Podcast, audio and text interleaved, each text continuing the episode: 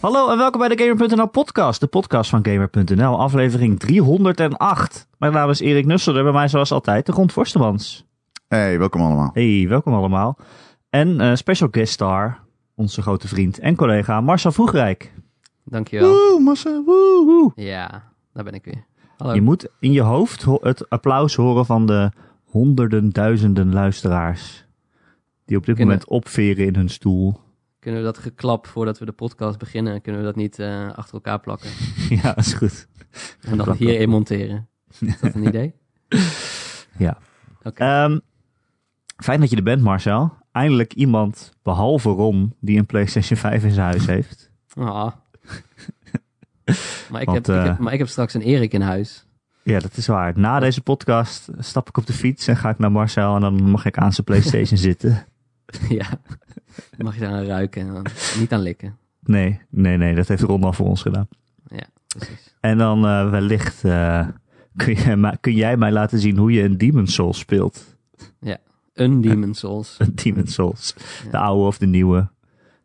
Eén van die.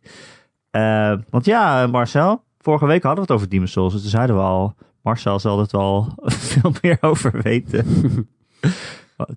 Want Ja. jij hebt het origineel hoeveel gespeeld? Eh, nou, het valt op zich nog wel mee hoor. Want ik had natuurlijk de PlayStation 5 een dag later. Eh, natuurlijk. Ja, het origineel bedoelde ik. De, Vanzelfsprekend is dat. ja. Ehm, dus ik eh, ben sowieso natuurlijk een dag later begonnen. En vrijdag heb ik eigenlijk vooral een beetje zitten prutsen met... Ik heb Astrobot is aangezet, even Miles Morales opgestart en Demon's Souls. Dus dat waren de drie games die ik voor de PlayStation 5 heb. Dat zijn volgens mij Ehm, de drie games die iedereen voor de PlayStation 5 ja. heeft. Basically, ja. Ehm, ja. En toen was ik nog niet heel serieus bezig. Ik ben vooral bezig geweest met de character creator, want dat is ook heel belangrijk. oh Eh, god, ik heb gezien wat sommige mensen daarmee maken. Ja, nou, ja, daar kan je ook eh, uren in kwijt. Eh, dus ik ben eh, effectief ben ik pas zaterdagochtend begonnen in alle vroegte, want ik werd uiteraard om iets van half zeven wakker. Ik dacht, nou ja, good, good as time as any. Eh, dus toen ben ik eh, begonnen en eh, ja, dat, ja, wat zal het zijn nu? Tien uur in zitten, denk ik misschien. Zoiets. nou, dat schiet op. ja. Want jij hebt het oorspronkelijke Demon Souls op de PlayStation 3 ehm, maar kapot gespeeld, mogen we wel zeggen, toch? Ja, ik, kan nu, ik ga nu even heel elitair doen. Ehm, ik speelde de game al toen die nog niet in Europa uit was. Ik had hem voordat, die, voordat Ja. iedereen hem cool vond. Nou, ik, ik had een eh, artikel gelezen op Eurogamer destijds. En dat was geen review, geloof ik. Dat was meer een soort van ehm, achtergrondstuk over... hey, ik heb deze game geïmporteerd uit... Volgens mij had ik hem uit Hongkong, want die had Hmm. gewoon Engelse schermteksten. Oh, ja. Ehm, en die, die persoon die sprak echt over een, een game van... Hij zei van ja, ik vond het zo bizar wat ik allemaal meemaakte. En al die systemen in het spel, het waren, zo, waren me zo vreemd. Maar het, het, het, het eh, betoverde me, zeg maar. En het is zo'n, die difficulty curve, die is zo stijl, maar anderzijds ook eerlijk. En ik was het aan het lezen en ik dacht, wow, dit, ik moet dit meemaken. Ik, ik, ik wil dit ook proberen. Eh, dus heb ik hem geïmporteerd en eh, de rest is geschiedenis. nee, wat ik er niet bij vertel, wat ik nooit vertel, is dat ik de game uiteindelijk heb geprobeerd en dacht: oké, ik ga niet verder spelen. Eh, Wauw. Totdat, eh, ja, dit is een stukje eh, alternate history eh Ja, die je eigenlijk te horen krijgt. Ehm, maar toen op een gegeven moment was, ik woonde toen nog op, eh, op kamers en toen kwam een huisgenote, die, die zei van, ja, ik, ik, I don't know, ik verveel me, kun je niet iets laten zien op de PlayStation 3? En toen dacht ik, nou, ik heb wel een obscure game die ik ooit heb gekocht voor 80 euro. Eh, kan het wel laten zien. Eh, en toen heb ik dat eigenlijk in een dag echt een beetje eh, laten zien van, ja, kijk eens hoe vreemd dit is en moeilijk en weet ik veel wat. Maar ja, toen zat ik er inmiddels zo in dat ik daarna het door ben gaan spelen. ja. Maar het is heel raar, want het voelt echt alsof ik nu... Het is dezelfde game. Sommige dingen zijn inderdaad nog steeds exact hetzelfde. De manier waarop vijanden zich gedragen, want aan de kunstmatige intelligentie hebben ze niks gedaan. Eh, maar het is, ja, het is alsof je jarenlang, elf jaar lang zonder bril hebt rondgelopen, terwijl je echt een hele negatieve sterkte hebt. En dat iemand ineens zegt van, hey, zet, zet dit eens op, misschien helpt dat. En dat je denkt, wow, ziet het er zo uit? Nou, zo voelt het een beetje. Oh ja. Maar is het, speelt het precies hetzelfde? Want ik las allemaal dingen over dat ze expres de timing en de frame eh, animaties en zo allemaal precies hetzelfde hebben gehouden. Nou ja, eh, ze, hebben wel echt animaties en zo aangepast. Want heel veel wapens in het origineel, die, dat waren dan wel andere wapens, maar die zagen er eigenlijk gewoon exact hetzelfde uit. En ze, ja, als je een vijand sloeg, dan was het zo van, oké, maar ja, is dit nou echt een ander wapen dan? Ja, deed andere damage, maar dat was het. En nu hebben ze wel geprobeerd om ieder wapen een beetje uniek te maken. En ze zeggen inderdaad dat ze dat met behoud van de oorspronkelijke timing en wat dan ook hebben gedaan. Ja. Ehm, ja, ik vind het lastig om te zeggen, want het, ik, het is lang geleden dat ik Demon's Souls gespeeld heb op de PS3. Eh, dus ik durf niet te zeggen van eh, of het nou exact hetzelfde is, of ze dat nou gelukt is inderdaad. Maar ja, I don't know, ik, ik, ik ben heel blij met hoe het, eh, hoe het is geworden. Dat, eh, daar bestaat geen eh, twijfel over. Maar omdat jij zeg maar de PS3-versie 300 uur gespeeld hebt, ben jij dan nu ook goed in deze game en weet je waar alles zit? En, ik bedoel, loop jij er makkelijk doorheen of is het eh, nog Ik steeds ga- een moeilijke game? Ik ga er relatief makkelijk doorheen, maar dat betekent niet dat, het, dat ik niet alsnog genadeloos afgestraft kan worden. Want ja, dat is ook een beetje als je denkt van, oh, ik weet het wel, dan word je ook een beetje gemakzuchtig. En dan is het heel snel over. Maar het helpt, zeg maar. Ehm kijk, Demon's Souls is wel echt een wezenlijk andere game dan al die Souls games die daarna kwamen. Want die waren, eh, hadden allemaal een, een open wereld eigenlijk. Of in ieder geval semi-open. Dat je gewoon verschillende kanten op kon met gebieden die aan elkaar eh, gekoppeld waren, zeg maar. Dat Ja. het eigenlijk één grote open wereld was. Eh, dit is echt losse levels. Ehm, maar wat voor mij helpt is, ik weet natuurlijk waar welke items liggen die goed zijn voor de speelstijl die je wilt. Dus stel je bent een magic user. Ehm, ja, ik weet van, oh, dan moet ik naar wereld, bij wijze van spreken, 3. Want daar is een heel goed item wat, wat echt eh, helpt bij het casten van magic. Ja, iemand die het spel voor het eerst speelt, die weet dat niet. Dus misschien komt die pas helemaal op het einde in wereld 3. Want je kunt ook naar wereld 4 of 3 of, nee, of 5 of 2. En die komt er dan helemaal op het eind pas achter. En die denkt, oh, dit was wel handig geweest als ik dit eerder had. Ehm, ja, in die zin helpt het wel dat ik eh, al weet waar alles is. Maar eh, het was wel echt een, eh, niet een culture shock, maar wel een soort van shock voor mij toen ik het opstart en dacht van, wow, dit, is, het is heel raar. Want het ziet er zo absurd prachtig uit. Maar het is ook diezelfde rare, obscure game van vroeger tegelijkertijd. Want heel veel dingen zijn dus hetzelfde gebleven. Maar het is echt inderdaad alsof er gewoon een soort van prachtig laagje overheen is gelegd. Eh, waardoor het inderdaad gewoon een moderne game is. Maar in essentie is het wel nog steeds diezelfde game van eh, elf jaar geleden. Ja. Misschien kan ik het ook beter even aan Ron vragen. Ron, Ja. want jij, jij loopt je er nu op stuk volgens mij. Is het een beetje te doen voor mensen die niet de oude game 300 uur hebben gespeeld? Wel. Dus het gewoon een, een Souls-like natuurlijk. Ja. Dus eh, ze zetten het ook heel erg in de markt als zeg maar de original brutal challenge of zo. Ja, Ehm, dus ze weten heel goed hoe ze het weg moeten zetten. De targeted audience is wel denk ik eh, gewoon de nieuwe speler die net een PlayStation 5 heeft gekocht. En geen ervaring heeft met Demon's Souls. Dus ja, het is prima te doen. Het is niet een beetje riskant dan om dit als, als launch game weg te zetten? Want heel veel mensen kopen dit dan omdat ze horen, oh, dit is de mooiste game die je op je nieuwe console kan kopen. En dan misschien starten ze dit dan op zonder heel veel kennis en dan worden ze het finaal afgemaakt. Ja, ik weet ook niet of ik het eens ben met de stelling dat het de mooiste is. Nee? Eh, oh, dat is... Ik zou zeggen, texture-wise is het de mooiste. Ja, oké. Maar qua animatie en dergelijke is het zeker niet de mooiste. Het is meer als je Dus- een foto ervan ziet, is het de mooiste. Ja, ja. Want eh, bijvoorbeeld de HDR en zo, dat is allemaal echt piekfijn in orde. Alleen eh, de animaties, als mensen hoeken omlopen, dat is echt gewoon... ja. ja dat is echt zeg maar old school. het, is ook, het is ook natuurlijk een, een genre wat over het algemeen niet de mooiste ehm, games oplevert. Eh, Nou ja, art design-wise denk ik juist dat er heel veel te doen is. Maar het heeft last van het Skyrim-syndroom, zeg maar. Dat als personages de hoek omlopen, dat ze niet eerst de hoek omkijken, maar gewoon... Kloink. Ja, weet je wel? Alsof, ze op, eh, alsof je ze met de D-pad bestuurd worden. Zo lopen ze. ja. Eh, s- eh, dat, is, dat is een beetje silly natuurlijk. Op een leuke manier ook wel. Ja. Eh, niet per se ergelijk. Maar ik bedoel, ik denk niet dat er veel mensen... Nou ja, laat ik het zo zeggen. Het is allemaal te doen als nieuwe speler. Eh, het, is wel gewoon een echte Souls-like. Dus je, je, je moet wel weten waarvoor je tekent. Ja, maar ik denk dat dat wel goed komt. Ik eh, voorzie niet heel veel problemen, eerlijk gezegd. Hoe, Ik vind het wel interessant. Oh ja, sorry, wat wil je zeggen? nee, ik wou aan Ron vragen hoe hij er een beetje doorheen kwam. Niet. ik kom er niet doorheen. Ik kom er echt niet doorheen. Ik weet ook niet eens of ik het per se echt leuk vind. Eh, het is een goed gemaakt spel.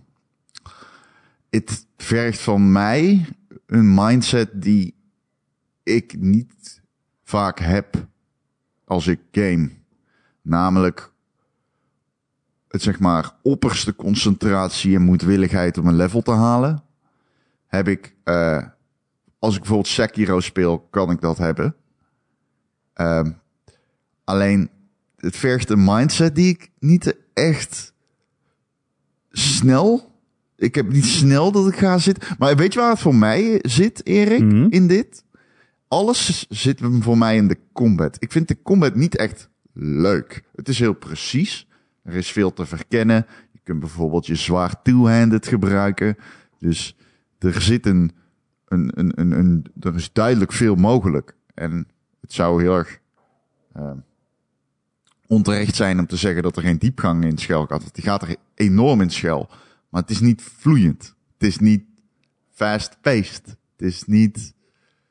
Zeg maar, ook Bloodborne is zo'n game waarvan je kan zeggen, wow, de actie voelt zo goed. En dan ben, kan ik het daar absoluut mee eens zijn. Maar het is niet dat je zegt super vloeiend. Het is niet zoals een Battle Arena in Doom of iets dergelijks. dat is niet hetzelfde kaliber vloeiendheid. En misschien is dat wel wat ik mis. Dat ik gewoon de combat aan zich niet... Trekt mij niet van kamer naar kamer, zeg maar. Ik heb meer nodig in deze game. En ik weet niet of ik dat moment, of ik dat er op dit moment uithaal. Ehm, ik merk het heel erg. Ik speel een klas bijvoorbeeld met Magic. En dat is, ja, het is, je bent echt iemand die gewoon heel lightning bolt, lightning bolt. Dat doet het me aan denken, zeg maar. En ik, ehm, ja, het is, ja, dat is niet iets waarvan je zegt, oh shit, we gaan, here we go. Dat is niet, zeg maar, hoe je naar de actie toe leeft. Ja, maar het is natuurlijk ook wel echt een best wel oude game. Waarvan ze dus nu de timing van de combat en zo allemaal precies hetzelfde hebben willen houden. Misschien voel je dat er dan ook aan of zo? Ik denk niet dat dat. Nou ja, natuurlijk. Dat... Maar het is niet zo dat ik het gevoel heb, ik ben een zwaar gedateerde game aan het spelen. Het is waarvoor die game gaat. En eh, het is bijvoorbeeld heel erg puntje precies. Ja. Dus je kan niet zeggen dat het eh, slordig is of zo. Dat is het allemaal niet. Maar het heeft niet die visceral combat. Eh, dat, dat, dat, dat is niet waarvoor je. Maar dat is ook niet waarvoor je tekent als je het koopt. Dus eh, dit is een specifiek Ron Vostermans probleem. waar heel veel mensen niet eh, eh, eens bij stil zullen staan. Omdat ze weten waarvoor ze. Ja, where they signed up for. Zeg maar. Wat is nog meer een specifiek Ron Forstemans probleem? ben wel benieuwd. Te grote penis. Nee, ik weet het niet, Erik. Dit is een domme vraag. Ik heb geen idee. Maar misschien is het, deze Demon's Souls ook gewoon vooral bedoeld voor mensen die Sekiro hebben uitgespeeld. Dus, eh, Nou, ik denk niet dat dat de slagmensen zijn waarop Sony zich graag focust. eh, Marcel, sorry, wat, Ja. wil jij zeggen? wat wil jij zeggen? Ehm, nou, dat het wel interessant is om. ehm, ja, ze, ze pitchen het inderdaad als een. Dit is waar het allemaal begon. Zeg maar, Ja. dit is waar het genre begon. eh, en dat is het natuurlijk ook. Ehm, het is wel interessant om te zien. ehm, welke dingen mee zijn genomen naar de volgende Souls games. En welke dingen ze hebben laten. eh, eh, achtergelaten. Eh, en dat maakt dit wel interessant, want in die zin ga je wel een stap terug. Want je hebt natuurlijk verfijningen gehad in Dark Souls en in Bloodborne en in Sekiro. En in die zin ga je nu weer terug naar het begin. En dat zijn gewoon, er zijn bepaalde keuzes waarvan je denkt, ja, het is goed dat ze dat hebben aangepast. Eh, en ja, die zijn er nu natuurlijk wel weer. Eh, omdat ze eigenlijk alles intact hebben gehouden. Ehm, met wel uiteraard wat kleine quality of life eh, verbeteringen en zo. Maar neem ehm, het, het sterker maken van wapens is echt een enorm obscuur systeem in deze game. Wat echt, ja, zonder guide kom je daar alleen met mazzel achter. Ja. En terwijl het toch wel best wel belangrijk is als jij een, een class kiest of een, een personage maakt dat gewoon up close vijanden wil mappen. Eh, dat is leuk aan het begin, maar als je tegen het einde van het spel komt en je hebt je wapen niet kunnen op een juiste manier geupgrade, dan eh, ga je dat wel voelen. En dan wordt het eh, een stuk lastiger dan de bedoeling is. Ehm, maar ja, ik probeerde het gisteren aan mensen uit te leggen en ik dacht van, nou ja, jeetje, ik gewoon, wa- wat ben ik aan het raaskallen? Gewoon, het is toch gewoon geen touw aan vast te knopen. Hoe, hoe moet je hier achter komen? Eh, en Ja. als je er op zoek gaat naar het, het wapen-upgrade systeem, nou, dan kom je ook een flowchart tegen. Die past gewoon, dan moet je vier pagina's naar beneden scrollen en dan heb je het einde van de flowchart bereikt. Jezus. Met allemaal vertakkingen van als je die wilt, dan moet je eerst dat doen en dan dat en dan alleen maar dat wapen. Want als je dat wapen kiest, dan kan het weer niet. Ja, dat is gewoon... Dat hebben ze bij latere games hebben ze dat veel beter eh gestroomlijnd. Dan is het gewoon, je hebt een wapen en je kunt het upgraden en dan wordt het beter. En daar kun je niks fout aan doen. Nee. Ja, daarom ben ik dus echt nooit in die Souls games gekomen ook. Ik wil deze ook wel weer graag proberen, maar daarom vond ik Sekiro zo goed. Ik bedoel, dan moet ik soms honderd keer een gevecht opnieuw doen, maar ik weet dat het aan mezelf ligt. En niet Ja. aan dat ik toevallig ergens in een submenu van een submenu vergeten ben iets aan te vinken of iets Ja. niet gevonden heb. Of dat ik een item heb, een fluitje of een standbeeldje waar een heel vage beschrijving bij staat. En als je daar Ja. dan op fluit, dan gebeurt er niks. Maar eigenlijk wel, maar dat heb je niet door. Dat soort dingen. Ja, ja Dat- precies. Dat is voor mij een soort Souls-serie, zeg maar. Dat, dat is Ja, hier... en dus ja? Sekiro is ook... Die heeft wel wat ik zou noemen visceral combat. Ja. Ja, absoluut. Ehm, maar het kan hier inderdaad voorkomen dat je een wapen eh equipt dat je eigenlijk helemaal niet kan gebruiken. Nou ja, dan komt er wel een Ja. melding van hey, eh, je bent niet sterk genoeg, eh, dus eh, het wapen is minder, eh, ehm, eh, hoe zeg je dat, efficiënt dan je zou willen. Efficiënt. Maar ja, stel je denkt, ja oké, maar ik wil het wel gebruiken. Ja, Ja. dan, dan dat, daar straft de game je acuut voor af. En ja, waar je dan moet vinden hoeveel strength je nodig hebt om dat wapen wel te dragen. Dan moet je naar het equipment menu, dan moet je op X drukken naar het wapen. En dan moet je op vierkantje drukken, want dan krijg je een extra minuutje.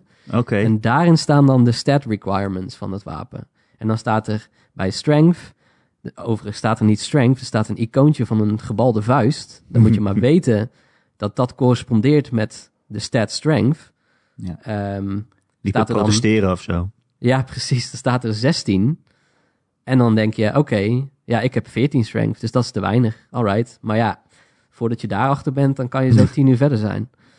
Jezus. Eh, en ze hebben in de remake hebben ze geen. eh, wie dacht van nou, misschien voegen ze wat eh, tutorials toe of wat dan ook. Dat, dat in ieder geval niet. Nou zit er wel. Alleen ik heb het zelf nog niet gevonden. Ik weet niet hoe je dat oproept. Die tips. Ja, dat schijnt ook iets bij- van 100, Ja. eh, Ja, wat ze 100 bij video's te zijn. maar als ik op die knop druk, ehm, die gewoon de PlayStation knop, dan zie ik alleen maar mogelijkheden om naar andere gebieden te teleporteren. Maar ik zie nergens, hey, zo moet je dit doen. Ja, ik, ehm, ik, eh, ik heb het de vorige podcast ook al gezegd. Ik zat in de PU-podcast met Florian, die recenseert hem voor de Power Unlimited. En die zei tegen mij, ik was best kritisch over dat eh, activities gedeelte van de console. Hij zei, je moet het echt nog een kans geven, want er zit echt veel in. Dus ik heb de kans gegeven. Het is- ja, ik, vind, ik, ik snap het niet, denk ik. Het is, bij iedere game is het anders. Mij wordt nooit uitgelegd bij welk, welke gamer hoe gebruik van maakt. Dus er zit ergens een tutorial optie in, Ja, ik weet. in Demon's Souls. Maar ik heb nu al, denk ik, vier keer de hele activity tile schema dingetje doorlopen. En ja, ik, ik zie het niet. Dus misschien doe ik iets eh fouters nog. Maar ik ben niet heel erg gecharmeerd van de manier hoe die activities zijn verwerkt in het OS eh, op dit moment. Maar eh, goed. Ja, Marcel, als enige gast ooit in deze podcast met de PlayStation 5, behalve Ron, wat is jouw eh, PlayStation 5 ervaring? Wat vind je van de, van de console? Eh, nou, voor mij is het tot nu toe echt redelijk eh, smooth sailing geweest. Eh, maar dat is wel echt met hulp van vrienden die eigenlijk mij voor zijn gegaan en alle kinderziektes hebben meegemaakt en al hebben echt hun console drie of vier keer hebben gefactory reset omdat er iets niet goed was gegaan of weet ik veel wat. En toen uiteindelijk de oplossing hadden van hey, oh, als je dit doet gaat het fout, dus dat moet je niet doen. Ehm, ja. Waardoor ik wist van oké, ik ga de PS5 aansluiten. Ik ga niet die datatransfer van de PS4 doen, want dat levert schijnbaar ook problemen op. Ik dacht, dan doe ik Ja, dat dat niet. Ik begin ja. gewoon een clean install. Ehm, ik laat de games zichzelf installeren zonder dat ik handmatig op copy druk als je een disk erin doet, want blijkbaar zorgt dat ook voor problemen. Ehm, Oh, oké. ik eh, ga niet te veel rommelen met ehm, ehm, save games van oude PS4 games. Dat laat ik nog even gewoon voor wat het is. Ik wacht wel tot er een firmware update komt. Ik focus me gewoon op de PS5 games die ik op disk heb en Astrobot. Ehm en dat was het. En nou, als je dat doet, dan is het een hele fijne console. Eh, ja, er zit nog wel een handleiding bij. Dus, Ja, eh, nou ja, er zit geen handleiding, handleiding bij, maar moet je zelf uitzoeken. Voordat je je console per ongeluk gesloopt hebt. ja, nou ja, gesloopt is een groot woord, maar ehm, Nee, dat is het probleem niet. Het probleem is meer probeer maar eens in een party te komen als niemand je uitlegt hoe dat moet. Mijn hemel. Ja, wat was het nou ook alweer? Ik probeerde... Ik zat, met, zat ik met jou in een party chat en audio? Ik weet het niet, maar het, als jij in een, een party chat zit, in een gesprek, en je wilt dat afsluiten, nou, dan moet je op zes, zes knoppen drukken, denk ik. Om Zes, eh, in de party te komen waar je in zit, moet je naar Friends. Dan krijg je, nee, dan moet je eerst op de menuknop drukken. Dan ga je naar, dan moet je twee tiles naar rechts, twee tabbladen. Dan ga je naar Friends. Dan krijg je eerst alle parties te zien waar je ooit in gezeten hebt. Dankjewel. Dat is echt heel erg fijn. Daarna krijg je je vrienden te zien. Oké. Je hebt dus geen aparte friends list meer, maar Oh. alright. En als ik, dus ik wist niet hoe ik in een party kwam. Ik, ik, ik dus, je moet naar de vriend gaan in de friends list en dan naar open voice chat en daar zit de party. Hè? Behalve als je met meerdere mensen in de party zit, want dan komt die party bovenaan te staan. Hij komt sowieso bovenaan te staan, maar dat wist ik toen niet. ja, het is, het is eh, nodeloos eh, omslachtig. En ik snap het idee hoor, van, dat heet dan je gamebase eh officieel. En daar staan dan je parties in en je friends en wat dan ook. En het idee is, hey, als jij iedere keer met dezelfde vrienden eh, Call of Duty speelt samen, dan druk je gewoon op die party en dan bam kun je ze allemaal weer uitnodigen. Ehm, maar als jij wat meer wisselende eh, ehm, Contacten. contacten hebt, ja, Ehm, nice. dan, ja, dan is dat natuurlijk vervelend. Want dan moet je steeds al die shit door gaan scrollen. En dan moet je bij de friendlist. En de friendlist is ook geen list meer. Het is, zijn friend tiles. Oh god, nee. En dan staat er dan... Dat is dan een enorme tile. Ja. En de naam is heel klein. Dus ik, voor de leesbaarheid, als je scant van wie zijn er online... Ja, het het is echt gebaseerd op dat je icoontjes van mensen moet herkennen. Maar ik zou echt niet weten wie welk icoontje heeft. Ik heb een ruimteschip. Ehm, ja, het is een Kijk, ik heb een kip super... tegen, ja, je hebt sinds de kip. PS5. Dat leek me wel zo toepasselijk. Ehm, maar Het, ja. het is een eh, irritant besturingssysteem. Het ziet er super mooi uit. Hoe dingen in elkaar klappen en dergelijke vind ik echt vet. En hoe de overlay van de hub area, zeg maar, de game activity bar, hoe ze het ook noemen, hoe die bovenop de game ligt, vind ik heel tof gedaan.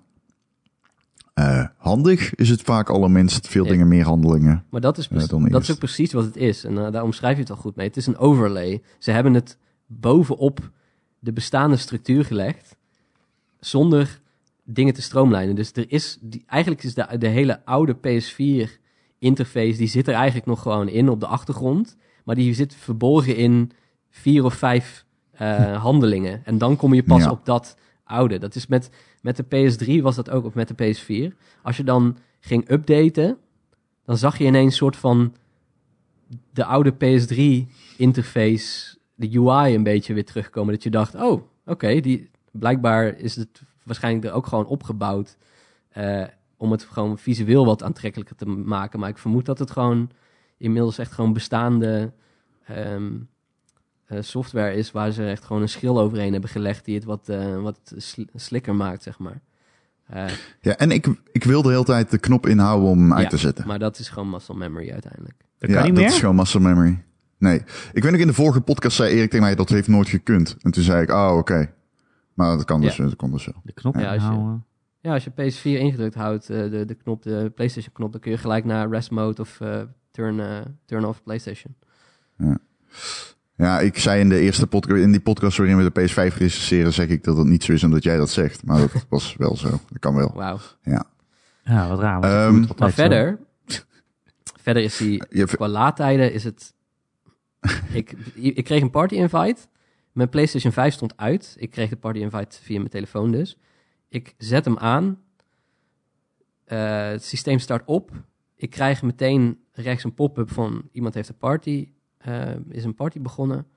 Eh, en ik, ik druk op de PlayStation knop en ik zit erin. En dat is serieus sneller dan het partymenu op de PS4 openen. Als die al aanstaat. ja. Het is insane. Het zieke is, op de Xbox gaat dit nog bijna dubbel zo snel. Ja, alleen... eh, De Xbox boot ongeveer bijna dubbel zo snel als de Oké, PlayStation. maar dan heb, ik, dan heb ik geen tijd meer om een slokje drinken te nemen.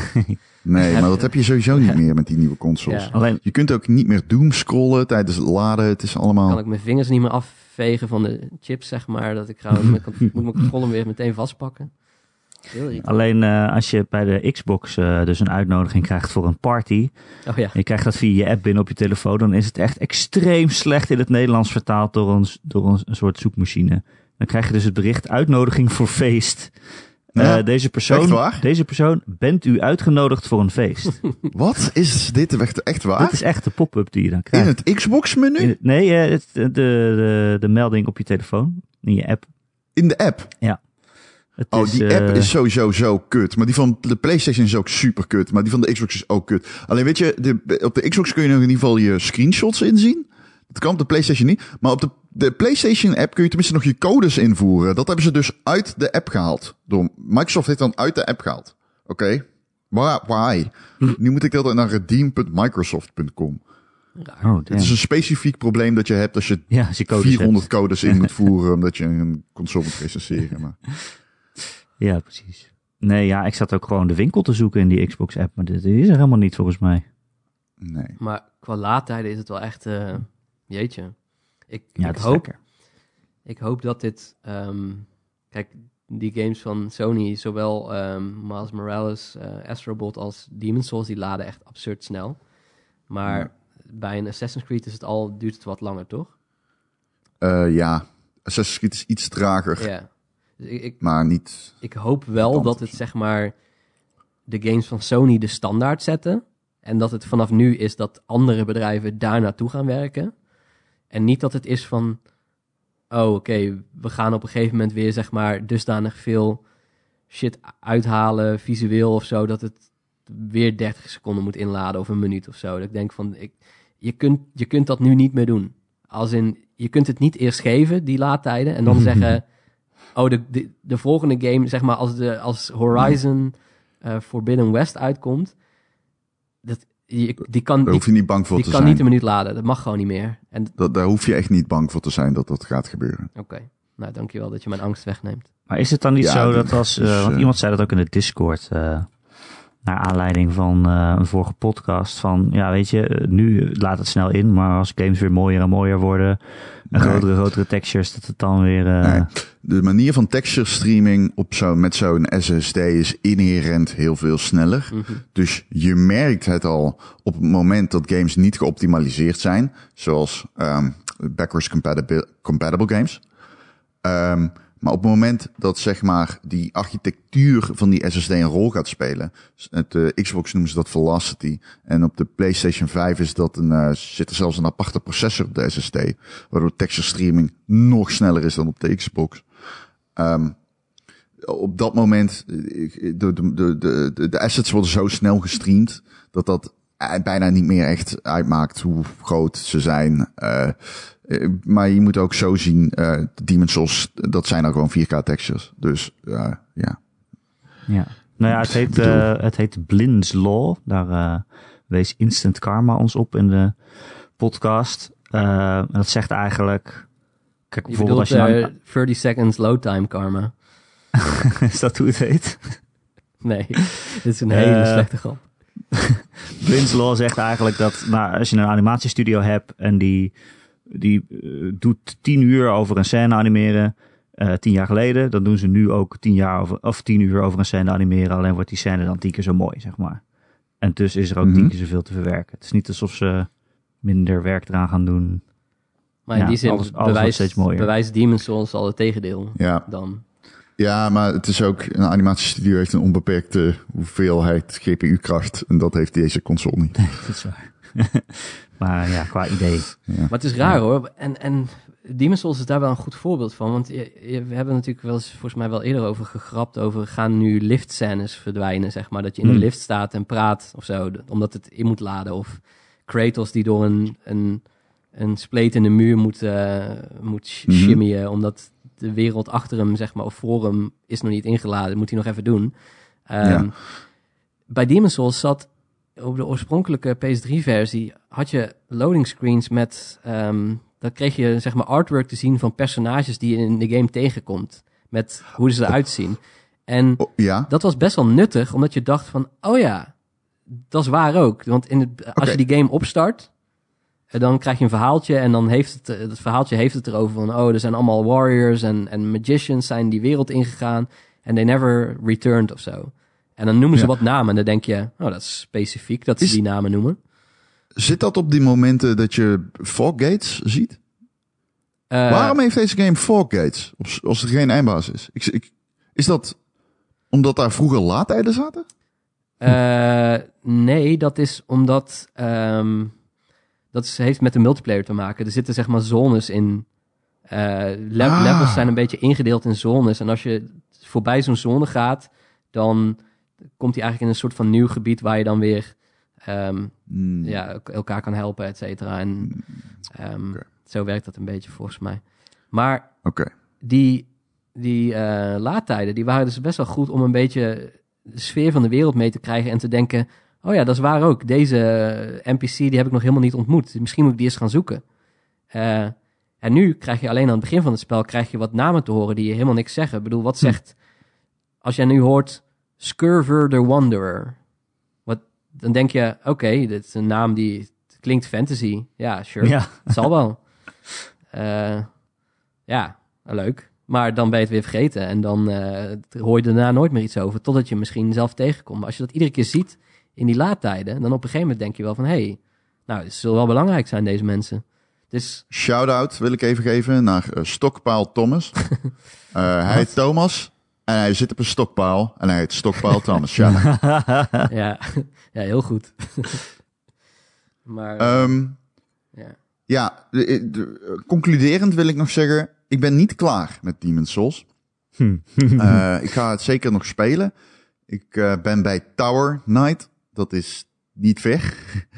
Ehm, maar ik merk natuurlijk wel, dat het alle begin is moeilijk. Zeker in dit soort games. Eh, Ik denk wel dat ik Tower Knight versla vandaag. Maar ja, ik speel ook nog andere games. Dus het, eh, ik, ik- het is niet zo dat hij mijn hooks in mij ges- geslagen heeft. En dat ik eh, helemaal om ben en eh Demon's Souls. dus misschien komt dat nog. Ik weet het niet. Ik, ik, ik, ik, I don't know. We gaan het zien. Ehm, mag ik wat games zeggen die ik aan het spelen ben? Mag ik wat games zeggen? Ja, dat mag. Je mag wat games zeggen. Ik zeg als eerste The Pathless. Is dat die pijl en boog game? Ja, dat, ehm, ik eh, ben een van die mensen die eh, eh, wel heel erg onder de indruk was van Abzu. Oh, dat is hetzelfde team. Ja, hetzelfde team. Ik, Giant Squid. Ik vind Abzu vond, vond ik echt heel erg leuk. In de kern weliswaar een game die heel erg leunde op wat de, het had zowaar een opvolger van Journey kunnen zijn. Ja, het was die onderwater eh, journey.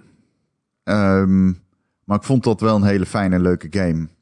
En deze game is eh, sowieso anders geprijsd. Hij zit op eh, 35 euro.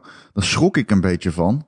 Omdat ik had verwacht dat dit minder ehm, dat was. Ik had minder dat. Ik dacht dat deze game weer een soort van Absu-like ging worden. Weliswaar met eh, betere movement. Want dat is een, wat mij absoluut eh, eh, zo trok in de trailer van deze game. Dat was de movement. Het is een. Dus ik zat online te lezen en toen dacht ik, heb ik hier echt 35 euro voor over? Voor zo'n spelletje, om het dan maar onerbiedig te zeggen.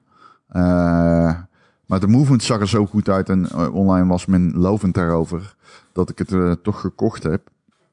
En ik vind het heel erg leuk, maar het is extreem mijn shit.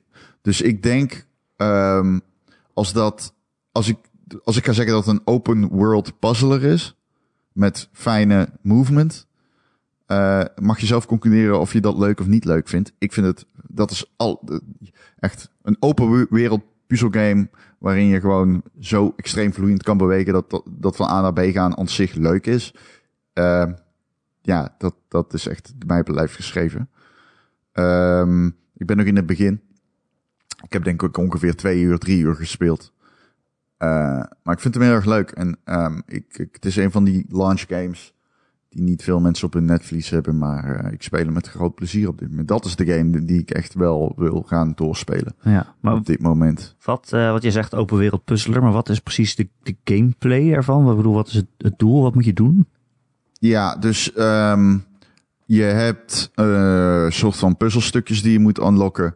Eh, je moet de, de je moet er is zijn een, puzzelstukjes. een evil guy. Er is een er is een hè? Hier zijn puzzelstukjes. Ja, ik zeg puzzel en puzzel door elkaar om jou te Oh. kutten. Oh, Ik probeer zo ja, wauw. ja. Maar uiteindelijk ga ik het zo doen dat bij jou het Pavlov-effect triggert dat jij bij puzzel denkt, oh, nu zegt hij de waarheid. Dat ik gewoon niet meer weet wat de waarheid is. Ehm, nee, maar je hebt een, eh, een bad guy, de Godslayer. Ja. eh, en eh, ik weet niet, je hebt een Havik. Ehm, want je bent een archer. En overal in de wereld is darkness. En die verjaag je met light. Dus je hebt overal torens die je moet bevrijden van darkness. Nou ja, dat doe je door kleine puzzels op te lossen. Dat is fucking easy as shit op dit moment. Ze worden wel ingewikkelder, begrijp ik. Dus als je al die torens afgaat, dan gaan ze van rood naar wit. En dan bevrijd je zeg maar een segment van de game. Maar hoe je daarheen gaat verschilt. Je hebt eh, twee mogelijkheden. Je kan vliegen met je adelaar of havik. Eh, die kan jou, eh, je hebt zeg maar een double jump op die manier. En je kan best wel grote afstanden afleggen. Maar je kan ook over de grond glijden, want je bent een archer. En overal in de wereld, overal om je heen, zeg maar iedere 10 meter, heb je een soort van een, iets, ja, een, een, een- zitten vierkantjes in de wereld. En als je die raakt met een pijl en boog, dan eh, krijg je een speed boost. Ehm, die speed boost, die, of die, die, die, die vierkantjes, die kun je ook raken als ze niet in beeld zijn. Dus je ziet die archer gewoon over de grond glijden. Hij vliegt als het ware over, de, over het landschap heen. Terwijl je pijl en boog schieten. Maar je hoeft niet echt te richten dus. Hij, hij lokt on. En het is meer een ritme game dan dat je daadwerkelijk echt eh, aan het aimen bent. Dus het gaat meer om het ritme. De hele tijd schiet je van vierkantje naar vierkantje naar vierkantje naar vierkantje. En zo vlieg je echt eh, door die wereld heen. Dan kun je tyfus snel gaan. En dat combineren met het vliegen met je havik is gewoon heel erg vet om- en fijn om te doen. Het is alleen nog niet continu zo vloeiend als ik wil. Het gaat nog een beetje met horten en stoten. Af en toe sta je helemaal stil. En dan krijg je een beetje het Sonic effect. Dat je denkt van, ah, eh, eh, fuck. Ja, daar ben ik dus bang voor. Want ik zag trailers en ik dacht van wauw, dit lijkt me zo cool om te doen. En toen zag ik iemand het spelen die, waarbij het dus af en toe misging. En toen dacht ik, oef. Ja, dan dat, zou ik echt dat heb ik ook. ja, gewoon echt zwaar teleurgesteld zijn in dat het niet zo soepel gaat als ik zou willen. En dan vraag ik me Nee, af, is dat, dat- ligt dat aan die persoon die dat speelt en wordt dat later beter? Of, of ja, Ja. I don't know. Ik ben daar zelf nog niet uit of het nu aan mij ligt of aan de game. Dus ik weet het niet. Op de momenten dat het goed voelt, voelt het goed. Op de momenten dat het stuk loopt, dan is het inderdaad, denk je, ah. Dus dat vind ik een, eh, ik, ik, al report back. Ik bedoel, Hmm. ik kom wel terug met, met wat ik er nou eigenlijk van vind, want ik ga hem wel uitspelen dit weekend, denk ik. Ehm, en verder ben ik nog Dirt 5 aan het spelen, die ik heel erg leuk vind. Het is lang geleden dat ik een race game heb gespeeld los van Trackmania die ik echt leuk leuk vind. En dit vind ik echt leuk. Ehm, het is echt een, een, een gezapig, gezellige race game. Met eh, gewoon leuke tracks. Eh, niet te veel moeilijk doen in de career modus. Hier heb je welke wil je doen, welke races. Eh, domme verhalen, eh, de, domme dialoog op de achtergrond volgens mij. Hoe heten die twee stemacteurs die alles doen? Eh, het is eh, Troy Baker en eh, Nolan North zijn het. Ja, die twee. Die zitten de hele tijd met elkaar te praten. Eh that's it. Dat is gewoon die game. Eh, ik, ik vind het heel erg leuk. Vermakelijk, althans. En verder heb ik een OLED. Ja, Lekker? Eh, daar zit je gewoon naar Ja, te kijken. Hij staat niet eens aan. Het is, Het is wel echt... eh het verschil is echt heel groot. Ik heb Tetris Effect erop uitgespeeld. Holy shit, man. Dat is wel insane. Dat is echt insane. Ik vind die nieuwe Tetris effect trouwens leuk. Die connected met die multiplayer. Ja, Dat is gewoon leuk om even wat is nou... casually Ik heb een beetje multiplayer gewoon met een vriend van mij eh, gedaan. Gewoon tegen elkaar. Gewoon eh zo'n Oh, oké. zo'n mode heet het geloof ik. Gewoon zoals oldschool Tetris dat je elkaar een beetje kan naaien. Maar er zit ook een soort modus in dat je samen speelt tegen de computer of zo. Ja, co-op. Heel raar co-op Tetrissen. Dat is toch echt heel raar? Of ligt dat aan mij? Ik weet niet wat je verstaat onder raar, als in uniek. Of Ja, ja het- gewoon. Dat, dat bedenk je. Tetris denk ik altijd, dat doe je tegen elkaar en één iemand wint. Ja. Maar het is wel leuk dat ze het zo bedacht hebben, ja. Dat je het samen, Ja, ik- met z'n drieën, ik- ben je dan een team of zo tegen een soort buitenaardse bedreiging. ja. Ik heb het nog niet eh, gespeeld. Oh. Maar ik heb het alleen de, de competitieve Tetris. eh, Ja, maar ik ben wel heel benieuwd naar. Want het klinkt inderdaad cool. Ja, het is cool. Klinkt cool. Eh, dus dat is vet. En verder een game die ook heel mooi is, is Assassin's Creed Valhalla. Ja, Ik ben die nog steeds een kans aan het geven. Hmm. Maar ik denk gewoon dat ik nu tot de conclusie moet komen dat deze game zo extreem oppervlakkig is. En bijna alles dat het doet, dat ik gewoon niet denk dat dit mij ooit gaat overtuigen van ook maar dat het enigszins de tijd of moeite waard is. Ik heb echt zelden zo'n middle of the road game gespeeld. Holy fucking shit. Er is echt niets waar die game echt heel erg goed in is. Er is niets waar die heel erg slecht in is. Eh, Dialoog is compleet trash. Like, ik snap niet hoe je een game kan schrijven. Hoe je zo slecht een game kan schrijven. het is echt de slechtste dialoog die ik ooit in een game gehoord heb. Iedereen is een persiflage van wat je denkt dat slechte vikingen zijn. En het is zo niet Het is zo ontzettend oninteressant. Ja. Wat is dat, man? Met Ubisoft die gewoon niet... Hoe... Ik snap dat niet. Dat lijkt... Er moet er een keer een moment komen dat je dit kunt. Waarom kunnen zij dat? Dit... Ja, Ze hebben is- gewoon duizend keer dezelfde game gegreenlight. Dat hebben ze gewoon gedaan. En daarom lijkt elke game nu precies hetzelfde en slecht. En het, is, het zijn alleen maar open werelden met heel veel icoontjes. Ja, maar dat is niet erg. Dat is gewoon de gameplay. Maar Ja. hoe kun jij... Je hebt toch schrijvers in dienst? Je wilt toch het maximale uit die personages halen? Er zit een... eh, ik zal, dit, dit is echt mijn favoriete voorbeeld. Er zitten momenten, dan, dan doe je hallucinerende drugs in de game. En dat is een moment dat je... Je kan losgaan. Maar dan kom je terug en dan heb je best wel iets meegemaakt. En dan kom je terug en dan krijg je de exposition van eh, een vrouwke. En dat is zo, ta dat is zo, oeh. Het is echt even dat je denkt van, oei, dit is niet interessant. Wat ben je mij aan het vertellen? Ze gaat uitleggen wat jouw toekomst eh, vormt. Maar het maakt niet uit welk antwoord ze geeft, want het is gewoon, het is gewoon gebrabbel uit iemands pen. En dat, dat, dat merk je gewoon. En dat heb ik bij alles. Bijvoorbeeld, op een gegeven moment kom je een, eh, ja, een gozer tegen het licht op een berg. Ik, eh, dat is aan het begin van de game. En die is in slaap gevallen. En dan wordt hij wakker. En dan loop je hem achterna. En dan af en toe brabbelt hij iets. En de hele tijd praat zij terug. Maar ze zeggen een paar keer dezelfde dingen. En dan blijf je hem achtervolgen. En dan schrikt hij op een gegeven moment wakker. En dan eh, zegt hij iets van... Wow, sliep ik? Oh, nee, oh, nee. Oké, ik ga snel terug naar het kamp. Oké. En dat is zeg maar het beste schrijfwerk dat ik doe.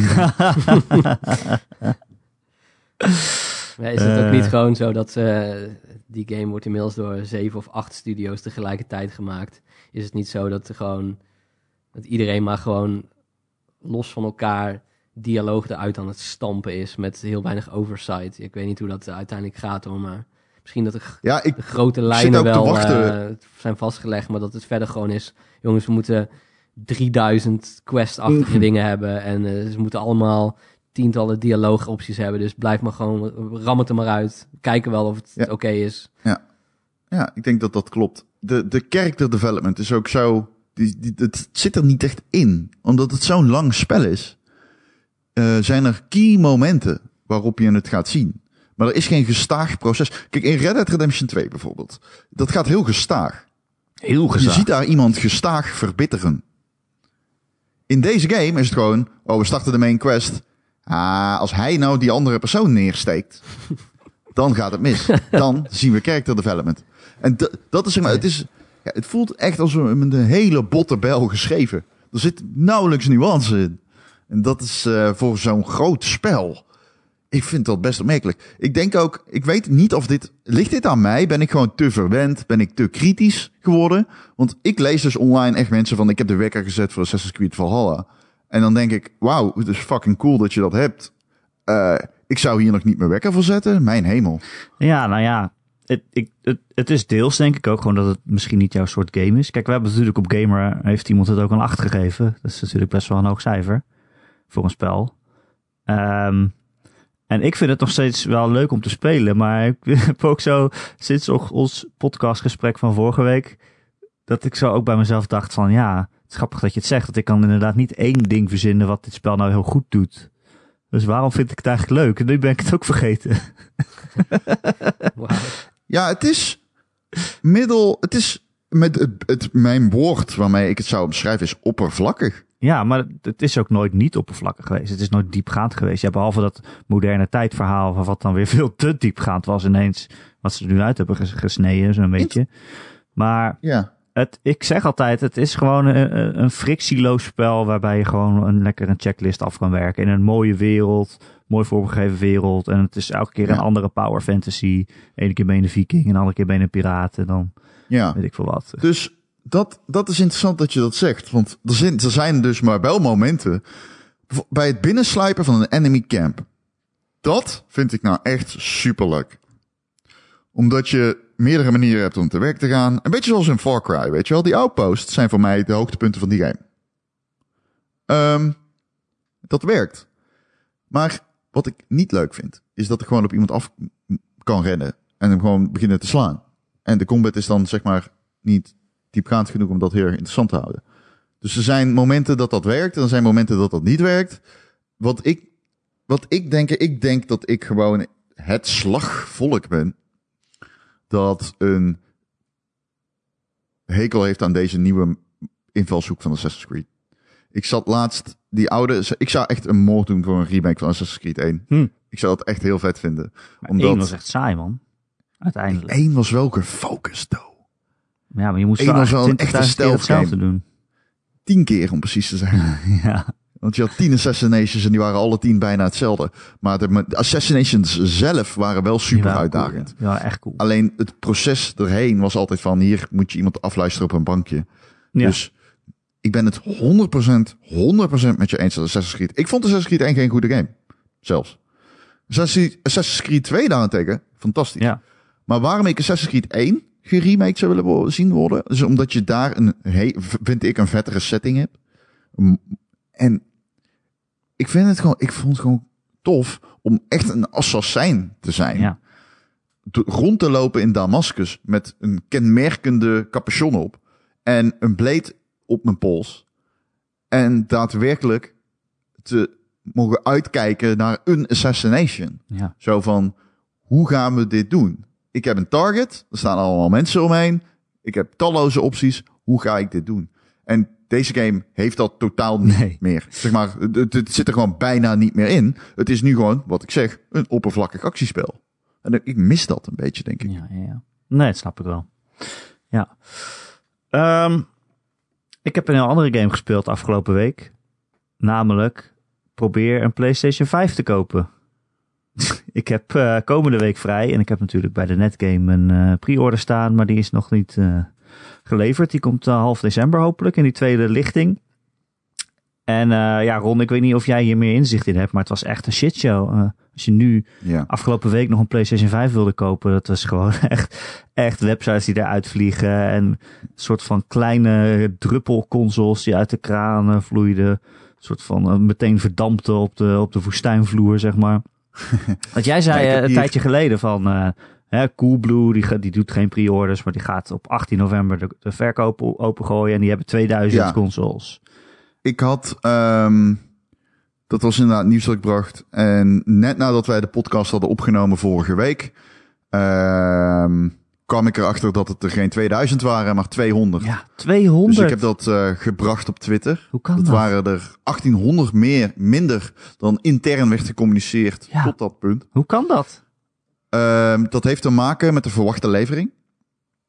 Coolblue heeft die pas heel laat te horen gekregen. Maar heeft dat ook pas heel laat intern gebracht. Ehm, Maar ze dachten dus dat ze de 2000 zouden krijgen. Intern. Ja. Nou, zo werd dat gecommuniceerd. Of dat in hogere kringen ook zo was, weet ik niet. Ik vermoed eerlijk gezegd dat er best wel iemand bij Coolblue werkte die wist dat het er geen 2000 zou worden. Sterker nog, dat lijkt min of meer de consensus op dit moment. Dat dat zo is. Maar ehm, in ieder geval, dat eh, boeit dat details niet zo heel erg interessant. Waar het om ging van, oké, dus to- toen kregen we ook de aantallen van BCC te horen. Dat is een beetje lastig voor mij, want ik doe dit dan op mijn Twitter, niet op voor gamer. eh, dus het is gewoon, eh, als je dit wilt teruglezen, moet je maar gewoon naar mijn Twitter gaan. Sowieso moet je naar mijn Twitter gaan om mij te volgen. Shout out mezelf. Volg Ron. Het Ron Forstemans. Ehm, even kijken. Maar ik zei het ook bij de NOS Tech op 3 podcast. Op een gegeven moment wist niemand meer dat het echt, zeg maar, zo weinig podcasts of eh, consoles zouden zijn meer podcasts dan Dus- PlayStation 5, zou ik je vertellen. Op een gegeven moment was het echt zo van dat ik zelfs DM'tjes kreeg van Coolblue medewerkers van wacht, wat? Oh, god. Ehm, eh, ja, dus kwamen ze met de Sinterklaasactie dat je je schoen kon zetten. Een Nou. leuke manier om je app aan de man te brengen natuurlijk. Ehm, met een ster- sterk, sterk staaltje fucking right. Als het even slecht schrijfwerk heb, maar goed. Ja, god. Ik ja. trek dat stijltje van Coolblue zo slecht. Nee. Ze waren een soort van heel, je moeder noemen en zo. heel abrasive waren ze van, ja, je krijgt hem toch niet, maar doe, ja, je kan meedoen, maar eh, je gaat waarschijnlijk toch huilen omdat je hem niet krijgt of zo. Op zich, dat kan ik dan nog wel om lachen, maar het is gewoon puur dat, dat fucking... ah, uh, dat, uh. Maar goed, oké. En even, de- even om de, de relaties eh, te schetsen van hoeveel mensen een PlayStation 5 willen. Coolblue had dus ja, 180 consoles, zeiden ze zelf in die video. Ja, het waren er 200. Ze hebben gelogen, het waren er 200. Ze hadden 167 eh, consoles voor eh disc en 28 op digital. Dus ze hadden er eh, 199. Toch niks. Ehm, en daar deden 80.000 mensen aan mee. 80.000 inzendingen althans, zei een klantenservice medewerker op een gegeven moment op Twitter. En er zaten er nog wel wat, eh, er moesten er nog wat dubbelen uit. En mensen die vals gespeeld hebben door niet een echte foto van een schoen of zo te plaatsen. Want dat moest blijkbaar. Ja. Ehm, maar 80.000 inzendingen op 200, nou ja, laten we de 200 consoles eh, zeggen. Ja. Dat is echt extreem. Dat is ja extreem. en eh, ik kan verzekeren dat er eh, echt straffen waren voor medewerkers ook. Die mochten echt niet meedoen. BCC had er 240 en 80 daarvan gingen gewoon naar medewerkers. Ze hebben gewoon gezegd, ja, als jullie hem willen, pak hem maar. Ja. Voor wat ik, eh, iedereen was er heel boos over. Ik snap dat niet. Ik vind, volgens mij is dat in deze tijden juist een heel mooi gebaar naar je medewerkers. ja, Eh, dus eh, ik snapte de, de kritiek daar niet op. zeker als je ziet wat voor shit die, al die medewerkers moeten, mee moeten dealen zo op zo'n dag dat de PlayStation 5 verkocht wordt. Jezus man. Ja, en het staat er ook met coronatijd in de winkel. Dus Nou, volgens mij is dat, gewoon eh, een eh, mooi gebaar. Ja, bij BCC was het zo. Die hadden er dus inderdaad, eh, wat was het dan, 160 of zo in de vrije verkoop. Ja. Ehm, en die Twee zeiden, minuten. die zeiden op een gegeven moment, weet het op Twitter, ze krijgen om de twee minuten een vraag. Wanneer komt de PlayStation 5 beschikbaar? En ze zeiden ja, ergens op 18 november. Elke keer zeiden ze, elke keer ergens op 18 november. We weten zelf ook niet hoe laat. Dat vond ik al raar. Dat, dat ze zelf niet weten Ja. hoe laat ze online komen. Maar goed, dat is natuurlijk zodat niet iedereen tegelijkertijd zit te F5'en. Op een gegeven moment zei iemand van de klantenservice in een Twitterbericht. Ja, dus dat betekent ergens vanaf eh, middernacht kan het dan gebeuren op 18 november. En heel veel mensen interpreteerden dat als, oh, ze gaan om middernacht online. dus vervolgens, middernacht, kwart voor twaalf, vloog de site van de BCC er al uit. Was overbelast. Om één uur s'nachts of zo kwam het weer ongeveer terug. En toen zag iedereen die nog aan het F5 was, dat ze nog helemaal niet te koop waren. En er hebben dus ook gewoon echt heel veel mensen, tenminste dat lees ik dan op Twitter, gewoon de hele nacht wakker gebleven. De hele nacht F5'en. In de hoop dat iemand kennelijk om vijf uur s'nachts bij de PCC die dingen online zou zetten. Dat ik denk, en dan ben je ook niet helemaal goed wijs. Nou ja, eh, oh, ik snap de paniek. snap Sommige de mensen paniek, willen er heel ja. graag een hebben. Ja, Uiteindelijk Ja. kwamen ze om, eh, om kwart voor negen 's ochtends of zo, kwamen ze online. De site lag er meteen uit. Eh, en, en, en volgens mij in 30 seconden waren ze weg. ja, moet je eh, anders? Ik bedoel, Ja, het was echt zo vaag met die communicatie. Steeds van, oké, dan, maar misschien, misschien een uurtje eerder. Ja, we weten het niet helemaal. En dan verschillende medewerkers, of zelfs dezelfde medewerker die gewoon verschillende bewoordingen gebruikt. Ja, als je zo uitkijkt naar zo'n ding en je denkt, misschien kan ik hem nog krijgen. Dan snap ik dat je helemaal eh, radeloos wordt ervan. oh ja, ik heb ook zitten Ja. F5'en. Maar Ja. ja. ik wist eigenlijk ook wel dat het kansloos was. Zeker als je die aantallen dan bij Coolblue ook al ziet. En Hoe weinig consoles er dan zijn en hoeveel mensen het willen hebben. Ja, het is bijna niet Dus, voor te stellen dat er dus mensen zijn geweest die er wel één hadden. Omdat je denkt, van, Nee. alles lag eruit. Maar ja, hebben andere mensen dan gewoon vrolijk het in het winkelmandje kunnen doen en gewoon kunnen Ja. afrekenen? Maar ja, dan worden die, eh, die klantenservice eh, medewerkers op social media worden daar dus ook bestookt door boze mensen die zeggen, ja, ik heb de hele nacht zitten F5 en ik heb hem niet gezien. Hoe kan dat? Ja. Het antwoord is natuurlijk logisch. Als er Ja. 80.000 mensen op 200 consoles azen, dan is de kans heel klein dat je hem inderdaad te zien krijgt. ja, het is niet Ja. alsof je voorrang krijgt als je de site eh, al eh, acht uur open hebt staan, zoals Nee. in, de, rij- in de rij liggen voor een winkel. Zo werkt dat niet natuurlijk. Nee, nee. Nee, dus eh, misschien moeten we een andere manier vinden om dit te doen. Want ja, dit is natuurlijk niet te doen zo. Ja. Nou, gewoon eh, PS5, PS6 gewoon via Kickstarter. Via Kickstarter financieren. Ja. Ja. Ja. Nou ja. Dan kan je gewoon ja, eh, resolutie, eh dus dan een extra backing, eh, hoe zeg je dat? Een, eh, een bonus goal. goal. Dus dan 8K, als het niet haalt, dan ja, pech. nou ja, of ik ga nu vast bij de netgame een PlayStation 6 reserveren. Ja, ja, ja, maar serieus, wanneer gaat het open? Vanaf wanneer kan dat? Wie bepaalt dat? Ja, nee, ja, want daar ben ik nog het steeds wel een beetje zuur over. Kan je, kan je nu gewoon al zeggen, hier heb je 50 Oh. euro, zet me maar op een lijst. Dan zegt er is geen lijst, dan zeg je, hier heb je een Maak maar een papiertje, lijst. maak maar een lijst. ja, Hier heb je Maar een pen, wel- zet me maar op één. Ah, echt. Ja, dat ik weet is het wel- niet. Alsjeblieft, zeg dit niet hardop. het is uiteindelijk wel hoe zij te werk zijn gegaan natuurlijk. Want ze Ik hebben word gewoon een nu al lijst. gek van mensen die mij op Twitter DM'en en benaderen en via Facebook mij opzoeken en Instagram gebruiken en weet ik allemaal wat, om dat ze denken dat ik dat weet. Waar je een PlayStation echt- 6 kan kopen. Ja, oh, ja. Ja, PlayStation 6. eh opvolger moet ik een PlayStation... Ik, ik ben geen fucking helpdesk medewerker. Eh, waar kan ik ze nog kopen? Iemand hoor? werd boos op mij. Iemand zei tegen mij: Hoe durft bol.com mij geen Series X te verkopen als ik vier uur per dag speel? En over de 100.000 aan gamerscoren. Hè? Wat heeft dat daarmee te maken? Precies. Wat heb jij daarmee te maken? Misschien het eerste punt. Ja, dat is gewoon dat ik blijkbaar de guy ben geworden die dit eh, allemaal aan moet horen. Jij met de Jeff Keighley van Nederland. Ik, ehm, ik, ik, die, die persoon die vond dus serieus dat bol.com moest selecteren op gamerscore. Holy shit. Holy shit. Mooi hè? Ja, op, op e-penis.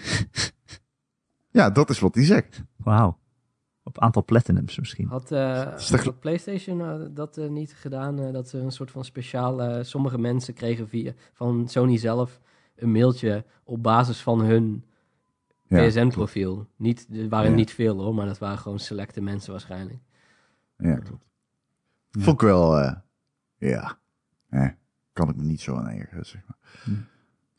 Nou ja, dat heb ik afgelopen week gespeeld. En, eh, en eh, ja, wat ik verder heb gespeeld durf ik eigenlijk niet toe te geven aan Ron.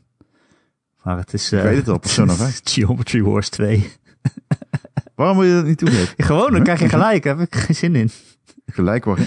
Dat jij zei van, Oh, oh, die game dit? moet je spelen op, eh, op je Xbox Series X. Ik, Dat is eh, een oude, oude game, maar...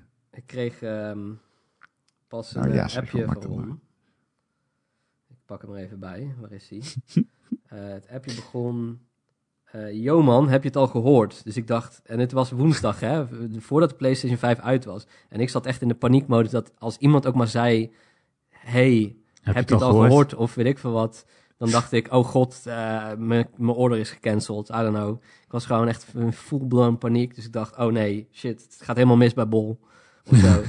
dus ik zeg, wat? En zegt hij, ik heb jouw score verslagen in Geometry Wars 2. nou goed. ja. Nou, ik vond Dat het... is wel gebeurd. Het Ja, werkte zeker. wel heel soepel, want ik wist niet eens meer dat ik die game had. Of ik heb 2 en 1. Wat, ik weet niet wat Geometry Wars 1 dan is. Of Geometry Wars 1 is fantastisch. Dat is de tweede beste game ooit gemaakt. Maar ik startte deel 2 op, want die had ik blijkbaar. En dan emuleert hij een soort Xbox 360 omgeving. En allemaal highscores stonden er nog. Dat ik dacht, wow, Ja. dit is gewoon een Erik van weet ik veel hoeveel jaar geleden. En ik heb al mijn eigen Ja. highscores weer verbeterd. Dus ik ben gewoon beter geworden. En zo mezelf. Out. Eh Marcel, wat ben jij nog aan het eh, spelen? Behalve Demon's Souls. Eh, ja, nee, even niks eigenlijk. Ja, Astrobot moet ik even een momentje voor pakken dat ik Oh, niet Demon's Souls ga doen.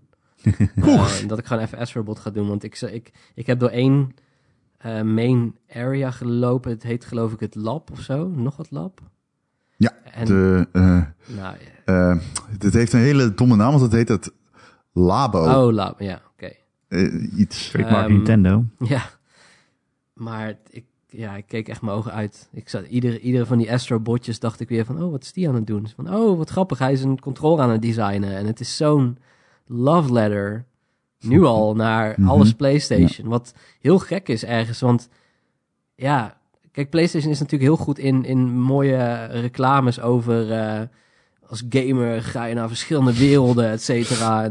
Maar het heeft niet die... Het heeft niet Als gamer sta je op een dak. Ja. Nu sta je in een woestijn. Nu ben je een astronaut. Exact, maar dat, dat, het heeft niet hetzelfde dat wat een Nintendo heeft van kijk eens die historie van Mario en weet ik veel wat. En, maar bij Astro's Playroom laten ze zien van, nee hoor, dat hebben we wel.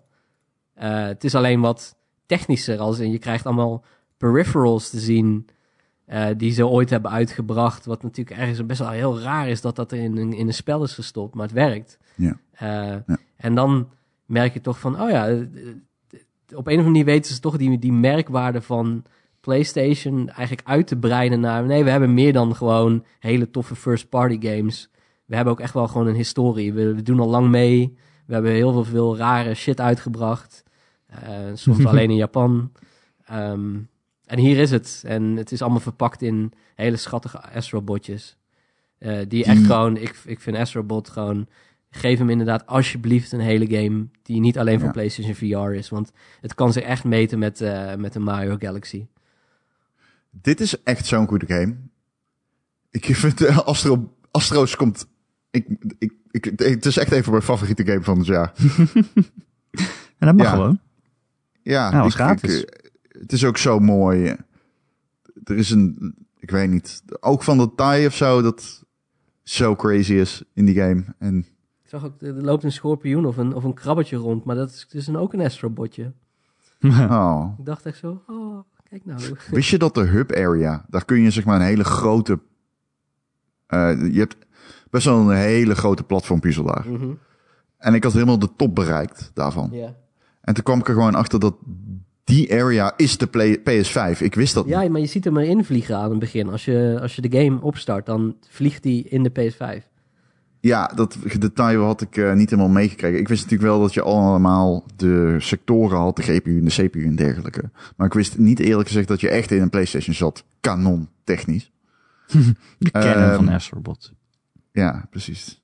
Vandaar, Ehm. vandaar dat al die PlayStation 5's van mensen zo'n eh, tri- tikkend, eh, trillend geluid maken. Dat is gewoon een Astrobot die erin zit. Dat is een Astrobot. ja.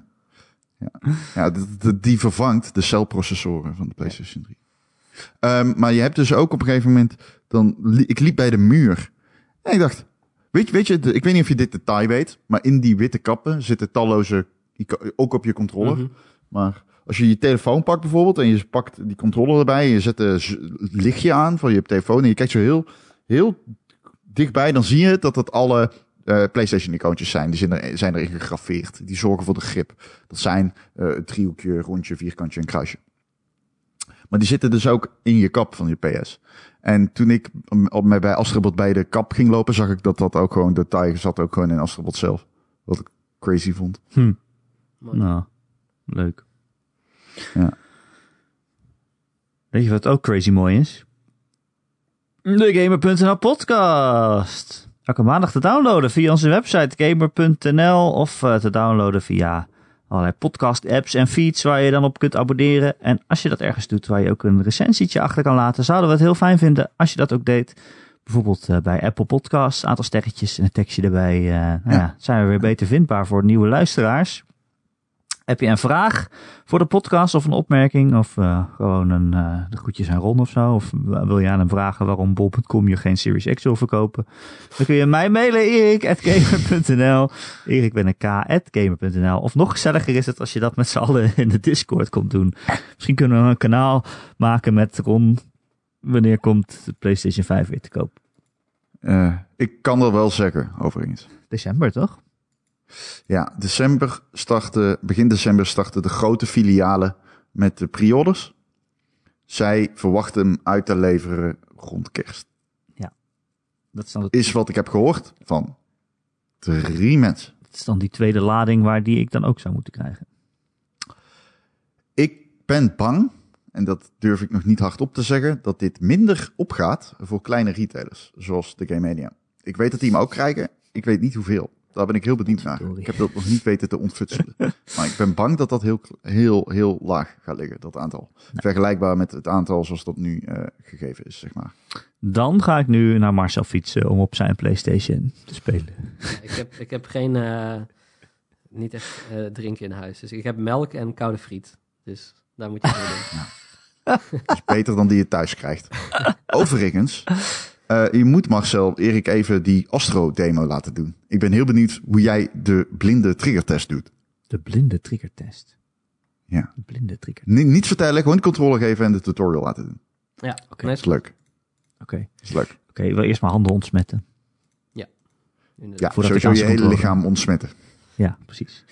Ehm, Wil je meer eh, Ron en Erik? Dan kan dat. Dan kun je ons steunen via Patreon. Patreon.com slash Ron en Erik. Dan krijg je voor een klein bedrag in de maand. Zijn we je sowieso heel erg dankbaar. Eh, en dan krijg je ook twee extra podcasts in de maand. Eh, de vorige podcast ging eh, helemaal over de Halo-serie met de Halo-expert Ron Forstemans. En ik ben ook nog steeds Half-Life Alex aan het streamen erop elke week. Dus elke week een uurtje. Vorige week 50 minuten, want ik kon echt niet meer verder. Het was gewoon fucking eng. Waar ben ik aan begonnen? Het was helemaal donker. Ik had een zaklamp en dan kwamen allemaal spinnenmannetjes op me af. En die sprongen naar mijn hoofd. Oh, ik ben geen fan van spinnen. Nee, ik ook niet. Ja, het zijn hoofdkrabben of zo. Dit waren weer andere dingen. Je bedoelt headcrabs? Nee, ja, dit waren niet die headcrabs. Ze waren zwarter. Mm, En spinneriger. Kevers? Spin, spinachtiger. Ja, I don't know. Ze wilden me in ieder geval doodmaken. Eh, ik heb het overleefd, maar toen ben ik al gestopt. Maar dinsdag ga ik weer verder. Eh, dus eh, kun je ons steunen. Patreon.com slash Ron en Erik. En eh, ja, het is ook gewoon heel gezellig daar. Marcel, dankjewel dat je te gast wilde zijn. Ja, nou dankjewel dat jij zo bij mij te gast wil zijn. Ja, oh ja. ik drink meestal Nice. water, dus het komt al wel goed verder. hoor. Als de kraan het doet, dan Dat, gaan, we niet, gaan we niet dood. drinken jullie niet dan een borrel? Nou, nu al, het is 12 uur middags. Ja. Ja. Ik denk niet dat ik ooit een vriend over de vloer heb gehad zonder een borrel te drinken. Is dat zo? Dat denk ik niet. Jeetje, heb je allemaal alcoholisten als vrienden? Of? Ja, ja. Oh ja, Blijkbaar. bij jou in de buurt eh, zit die eh, drankenwinkel, toch, eh, Erik? Als je nou even een, eh, een paar goede ciders eh, meehaalt, meeneemt. Hier. Leuker. Ik zie er wel wat in. Ah, kijk, dit is, je- dit is jouw voor, dit is echt jouw voorland nu.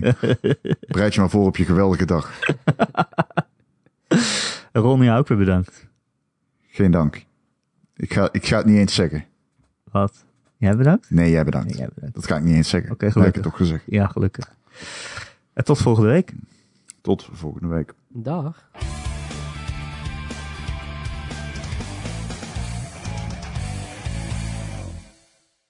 Zie je nou wel, Ron? Hoe kom je van die reclames af? En de Xbox. Kan gewoon niet. Welke reclames? Ja, niet dit gesprek weer. Hè? Ze hebben me gelijk gegeven in de, in de Patreon. Of in de Discord. Hoezo gelijk? Dat het Je niet kan. Je kan er niet vanaf. Er zitten drie tegels als je de Xbox opstart. Er zit een soort van reclames in. Nee, ik je hebt helemaal jou- geen gelijk. Ik vroeg aan jou, bedoel jij het Xbox Live tabblad? Ik heb het drie keer gevraagd. Jij bedoelt dat tabblad, Xbox Live. En toen zei ja, ja, ja. Toen zei ik, ja, die kun je gewoon weghalen. Nee, nee, nee. Ik zei als je de Jawel, Xbox jij zei er staan reclames in. Zitten drie ik zei, ja, reclames in. staan die in het tabblad Xbox Live? Zoals Assassin's Creed en bla bla bla. En toen zei hij, ja. Toen zei ik, ja, dat tabblad kun je gewoon weghalen. Ik heb toch gelijk.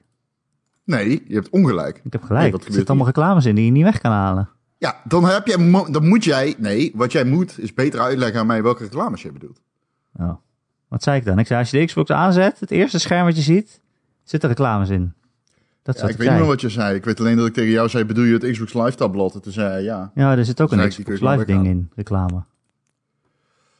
ja. Nee, ja, maakt ook niet uit. We kunnen niet allemaal intelligent zijn. Kan wel, Oh, jeetje. maar ik heb gewoon gelijk. Oh, mijn geluid staat uit. Wat? Waarom moet zijn geluid van mij Oh, jeetje. Sta ik gewoon voor Jan Lul te praten.